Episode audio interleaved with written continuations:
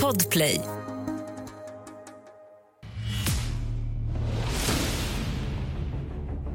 Rivalerna är podden om bittra fiender som grälar. Det kan vara miljarder kronor som står på spel eller handla om vem som sa vad om vem på Instagram. Men oavsett vad det går ut på så är känslorna starka. Så starka att det nästan blir på liv och död. Det här är Mattias Bergman och Andreas Utterström. I detta avsnitt av Rivalerna. I ena ringhörnan, bloggarnas drottning Isabella Löwengrip. Eh, Jag ska möta tjejerna i klassen nu klockan 10 så ska vi äta lite lussebullar och dricka te tillsammans. Så vi har lite glitterhår. Fast det ser snarare ut som en hippie tycker jag. Yay. I den andra, påhoppens mästarinna, Katrin Zytomierska. Jag brukar inte läsa Blondinbellas blogg. Hon är 18 år och skriver ingenting som intresserar mig på något sätt. I en kamp om vikt, barntestiklar och pengar.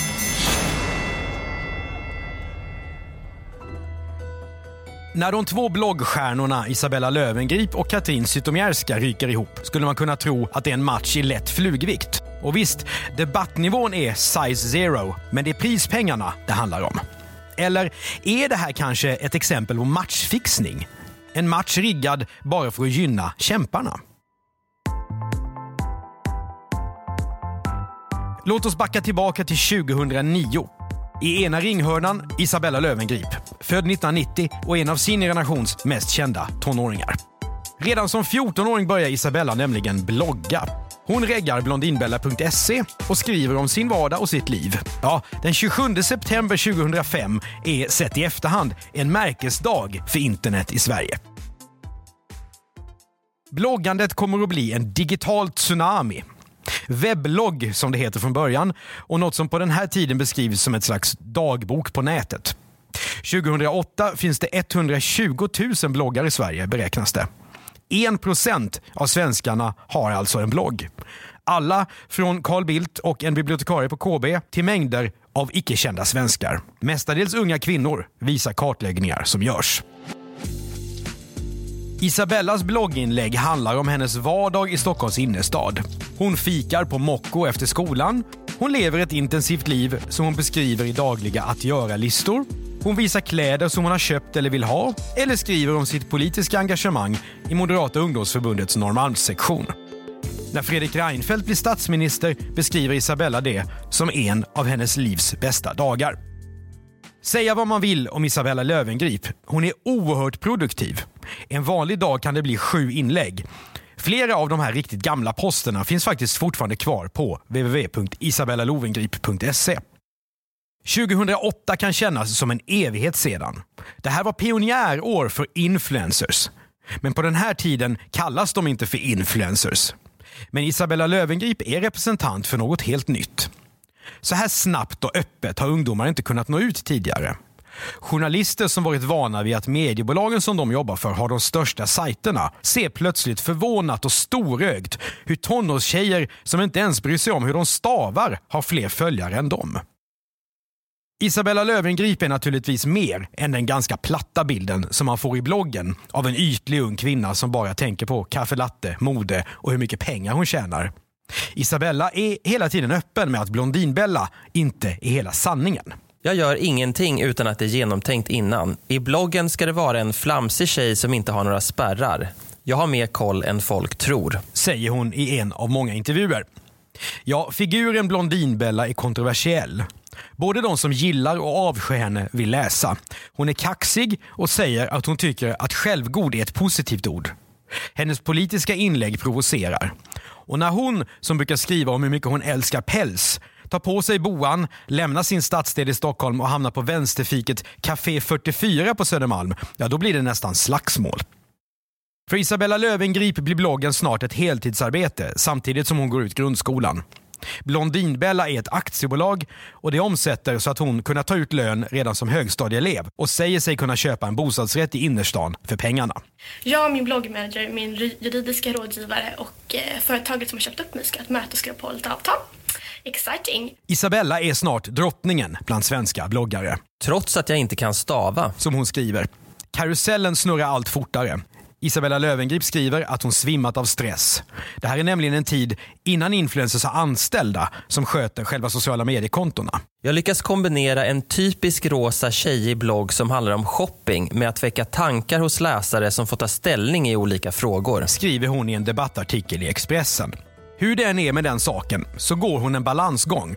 Å ena sidan är Blondinbella tuff och provokativ med sin livsstil så att kommentarsfältet slammar igen och det blir besöksrekord. Å andra sidan vill hon vara en förebild för de många unga läsarna. Steget är kort i bloggvärlden. Från att säga att man struntar i vad folk tycker till att skriva om att man blir ledsen av kritik. Det är bara någon timme bort.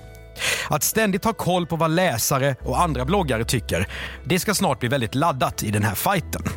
För i andra ringhörnan står Katrin Zytomierska.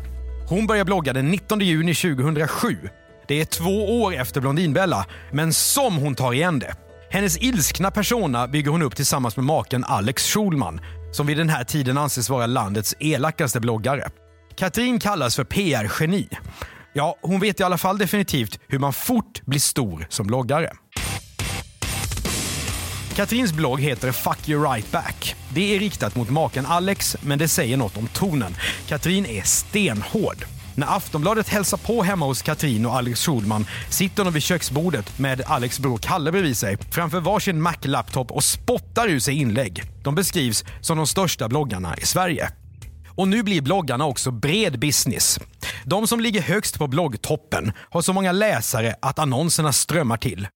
De 20 största bloggarna beräknas vid den här tiden omsätta 100 miljoner kronor tillsammans, skriver tidningen Veckans Affärer. Beräknas som sagt. För även om bloggare skriver om allt från sin frukost till sina sexvanor. Att prata om exakt hur mycket de tjänar, det vill de sällan. Möjligen skriver de någonting yvigt om att det är väldigt mycket pengar. Efter ett par år är den så kallade bloggosfären så stor att bloggarna blivit kändisar. Redan 2007 blev Blondinbella intervjuad stort i Dagens Nyheters söndagsbilaga. Nu är hon inne i finrummet. Inte så konstigt kanske. För vad Katrin än tycker om det så är Isabella Löwengrip den största. Symbolen för hela bloggosfären. Det finns likheter mellan Katrin och Isabella. De har bägge många följare och tjänar pengar på dem. Bägge sprider de en bild av ett problemfritt lyxliv i Stockholms innerstad. Deras åsikter och livsstil är en pengamaskin för dem. Men där slutar likheterna. Varumärkesstrategen Niklas Olofsson beskriver Blondinbella så här. Hon lever ett Paris Hilton-liv vilket gör många tjejer avundsjuka. Var tidigt ute med att bygga en fiktiv karaktär. Och så här säger han om Katrin. Hon vågar ta ut svängarna och vara typiskt grabbig. Från början hade hon draghjälp av dåvarande pojkvännen Alex Schulman men nu har hon lyckats skapa en egen plattform. En egen plattform. Och den är inte någon gosig soffa direkt. Tonen på bloggarna är ofta otroligt hård, vilket slår en när man läser idag över tio år senare. Käftsmällarna flyger hej vilt. Blondinbellas läsare kallar henne utan omsvep för stort skämt och Katrin hånas som patetisk jävel och pucko. Men bloggarna själva är med och sätter den här tonen.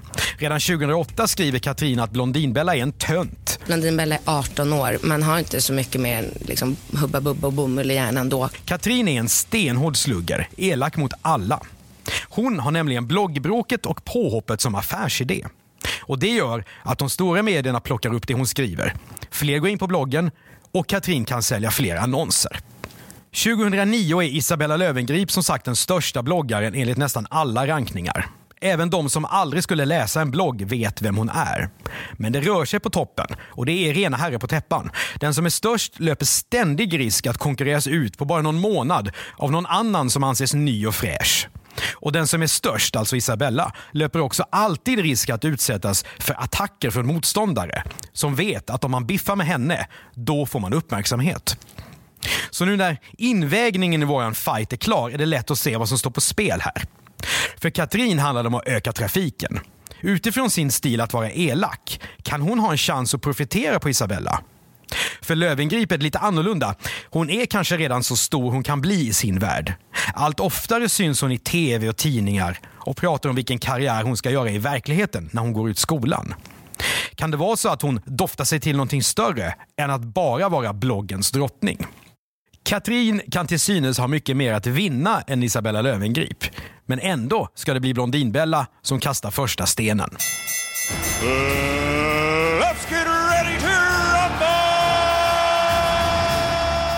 Till krigsåret 2009. Isabella är 18 år, Katrin 32. Den 16 januari skriver Isabella Löwengrip ett kritiskt blogginlägg. Det handlar om att Katrin, liksom bloggaren Carolina Gynning, skriver för mycket om vikt. Att tappa den och att hålla den. Samtidigt deltar Isabella inför en miljonpublik i TV4s program Let's Dance. Oavsett om man trampar snett eller klarar en passo doble är det ett säkert sätt att få maximal uppmärksamhet. För kvällstidningarnas reportrar bevakar alltid programmet. Och där avfyrar nu Isabella sin bredsida en gång till. Gynning och Katrin återkommer för ofta till sina mat och träningsvanor tycker hon. De är fixerade vid att man ska vara smal, Jag tycker det är läskigt att de normaliserar ett begrepp som vikthets. säger hon till TV4. Det här är som att bjuda upp till gräl och det är ju bara för Katrin att slå tillbaka. En fight med landets största bloggare, då blir det ju liv. Och hennes svar håller nu sedvanlig Katrin-stil. Blondinbella, du är en hycklande lillgammal skitgris som ska ta och koppla av några kilo. Att sträva efter att vara smal är inget fel. Tvärtom, det är snyggt. Den andra anledningen till att du ska hålla käften är att du är den människa i Sverige som förändrat sitt utseende mest av alla på kortast möjliga tid. Man känner ju för fan knappt igen dig längre. Från en halvmullig Miss Piggy till en spinkigare version av samma grisdocka. Vilken råsop! Frågan är om det inte rent juridiskt är ärekränkning som Katrin gör sig skyldig till. Men den här matchen kommer inte att fortsätta i någon formell och seriös domstol. De här bägge kämparna har ju mycket mer att vinna på att slåss med varandra inför hundratusentals läsare. Blondinbella svarar naturligtvis Katrin och hon drar ett annat vapen, ett som ska väcka sympati. Jag känner så här. Varför ska du ligga på den nivån? Det säger mer om henne än om mig som dragit igång den här debatten. Jag gör det här för unga tjejer som mår dåligt. Hon tar det här som en chans att få synas lite extra i rampljuset. Kanske skulle det vara omöjligt att idag skriva som Katrin gjorde då. Halvmullig Miss Piggy. En 32-årig kvinna som kommenterar en tonårings kropp på det sättet. Det skulle antagligen sågas som body shaming. Men det här är 2009 och lite av en annan tid. Vad kan då Isabella Löwengrip göra? Ja, eftersom det handlar om vikt så håller hon kvar fokus på sin kropp. Jag är 18 år, min kropp förändras hela tiden. Jag är inte färdigvuxen. Jag står varje dag och tränar dans i fem timmar. Att man blir vältränad eller slimmas då kommer naturligt. Säger Isabella till Aftonbladet. Och nu missar ingen någon av turerna i Katrins och hennes match. Fejden har tagit sig från bloggvärlden till tidningar som trycks på papper och snabba nöjessajter som Nyheter 24. Carolina Gynning då, ja hon väljer att bara gå upp i ringen och vända kan man säga. Blondinbella är en fake-förebild tycker hon, Man kan inte sticka ut hakan och sen inte vara beredd på mothugg. säger hon. Men sen är det slut med kommentarer från henne. Det här grälet driver nämligen Katrin så att det räcker och blir över. Om ett barn inte håller sig till sina barnämnen utan ger sig in i vuxendebatter, då får hon faktiskt ta att vuxna människor reagerar. Och Blondinbella är, hon är en produkt. Ett poddtips från Podplay. I podden Något Kaiko garanterar östgötarna Brutti och jag, Davva, dig en stor dos skratt. Där följer jag pladask för köttätandet igen. Man är lite som en jävla vampyr. Man har fått lite blodsmak och då måste man ha mer. Udda spaningar, fängslande anekdoter och en och annan arg rant. Jag måste ha mitt kaffe på morgonen för annars är jag ingen trevlig människa. Då är du ingen trevlig människa, punkt. Något Kaiko, hör du på Podplay. Därför är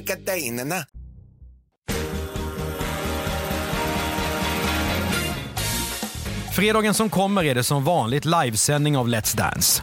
Isabella Löwengrip gråter öppet. Det som gör mig mest ledsen är att jag vet att jag kan ta det, men unga tjejer som läser det tror att de måste bli som dem. säger hon i eftersnacket till sändningen. De, ja det är naturligtvis Katrin och Gynning. Isabella skriver också ett inlägg där hon känslomässigt kommenterar Katrins bredsida mot henne. Ska jag behöva gå upp 20 kilo för att visa dem att man kan vara framgångsrik och nöjd med sig själv utan att vara size zero? Ja, då gör jag det utan tvekan. Inlägget får 1600 kommentarer och det är rekord för Blondinbella. Och att det faktiskt var Isabella Löwengrip som började, det är nu glömt. Hon har lyckats få sympati efter Katrins fula sluggningar. Och att hon blev sårad, spelar det någon roll nu? Besökssiffrorna på bloggen skjuter i höjden. Katrin akterseglas på bloggtoppen och annonssäljet går som smort. Rond 1. Isabella Katrin 1-0. Om det känns som att vi skulle fastna i en värld av digitala, unga, drivna kvinnor, ja då är det slut med det när klockan nu ringer till andra ronden. För nu kommer 50-talet in i det här grälet.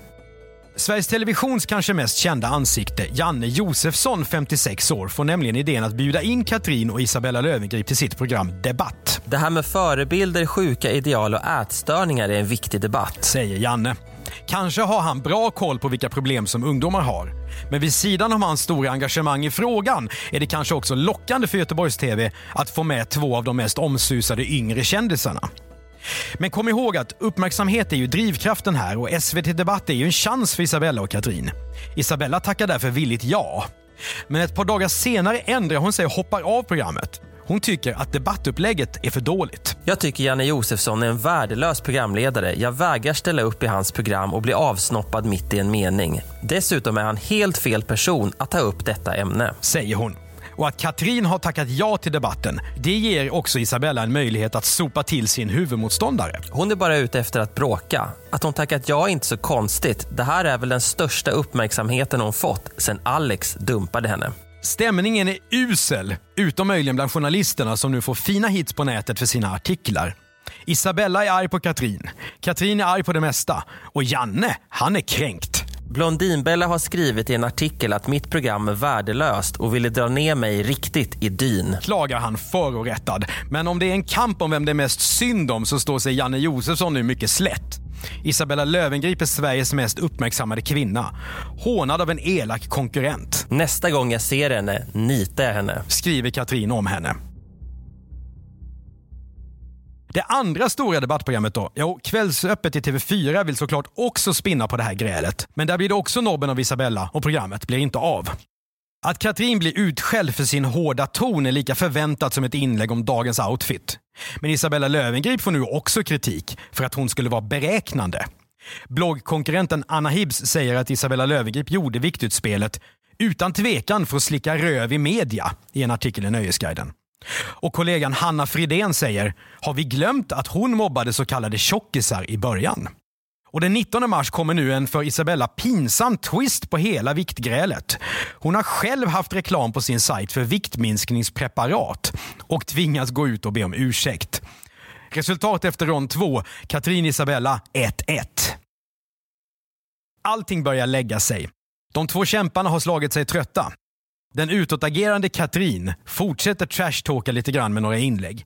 Hon hävdar att Blondinbella har som hobby att skriva lappar där det står “plocka upp efter din hund” vilka hon sätter på hundbajs som ligger på Stockholms gator. Sanningshalten är oklar. Hon skriver också i ett spekulerande inlägg att hon misstänker att Blondinbella inte har mens. Oavsett hur det låg till med själva vikthetsen, klart är att just kroppen är något som väcker intresse i bloggvärlden. Men det blir ingen ny stor fight och Katrin kan därför nu göra en djupanalys av grälet. I fortsättningen när journalister och unga människor frågar mig vad man ska göra för att öka sina läsare på bloggen ska jag svara bråka lite med Blondinbella. Var därmed Katrin den stora vinnaren på det här grälet genom att hon ökade sin trafik? Eller är både hon och Isabella vinnare? De fick ju bägge den uppmärksamhet som de lever på. Nej förresten, kanske är ingen av dem vinnare på det här. För även om det blev en debatt så inte ledde den till någonting konkret när det gäller problemet med utseendefixering. Inga beslut om mer pengar till ätstörningskliniker. Och verkligen inga regleringar av hur elak man får vara mot varandra på internet. Men Katrin och Isabella får nu ett gemensamt problem. För det blåser på toppen. Plötsligt ligger två nya unga kvinnor, Kissy och Kintsa, plötsligt på toppplatserna på Aftonbladets bloggtoppen. Och nu är tonen mellan bloggarna ännu värre. Kissy kallar Isabella Löwengrip för grisiga Bella och Katrin, ja hon får heta Bitterkärringen. Och kanske är det därför som den här fighten får en osannolik vändning. De som nyss har pucklat på varandra så att det osar, de blir plötsligt kompisar. Den 2 november 2009 är Katrin morgontidig på ett fik i centrala Stockholm. Bara en gäst till kommer in i lokalen och det är Isabella Löwengrip. Och hon går fram och startar ett samtal, vilket gör att Katrin senare samma dag kan skriva så här. Jag blir så jävla jävla imponerad av den här unga damen. Hur vågar hon? Hur jävla cool är hon? Hon är så stor att hon fullständigt förbiser alla taffliga och löjliga påhopp och förolämpningar som jag har pysslat med de senaste åren. Hon skiter i det. Hon är en genuint sympatisk person som verkligen är så jävla mogen, förståndig och ball. Skriver hon på bloggen. Tänk hur fort två ilskna motståndare kan enas. Slutet gott, allting gott. Nja. Vi hoppar fram fem år, en evighet i den här världen. Isabella Löwengrip kallar sig inte längre för Blondinbella. Hon är nu mer entreprenör.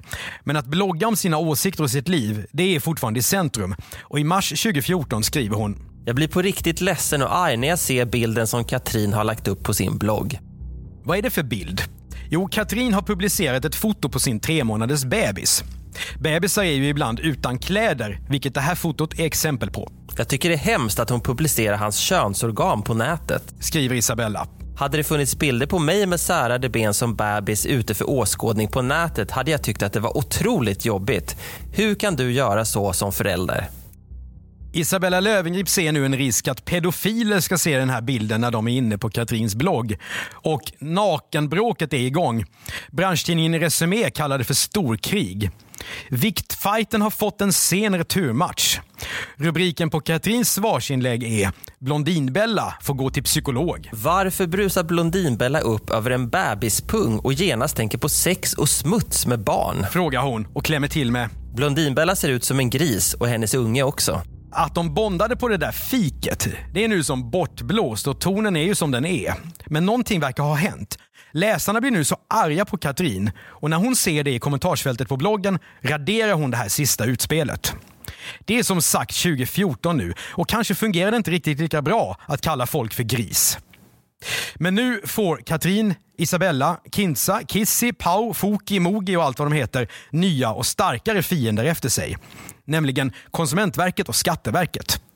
Juristerna och experterna där är såklart också bloggläsare och de har länge reagerat på hur bloggarna bryr sig om det här med skatt. Inte alls nämligen i många fall. Bloggarna har tagit emot kläder, prylar, smink och parfymer och skrivit om de här varorna utan att reklammärka sina inlägg. Och sådana där gåvor från företag, de ska man väl beskatta? Den här digitala världen har liknat lite vilda västern hittills när det gäller sånt här. Men kommers har det ju alltid varit.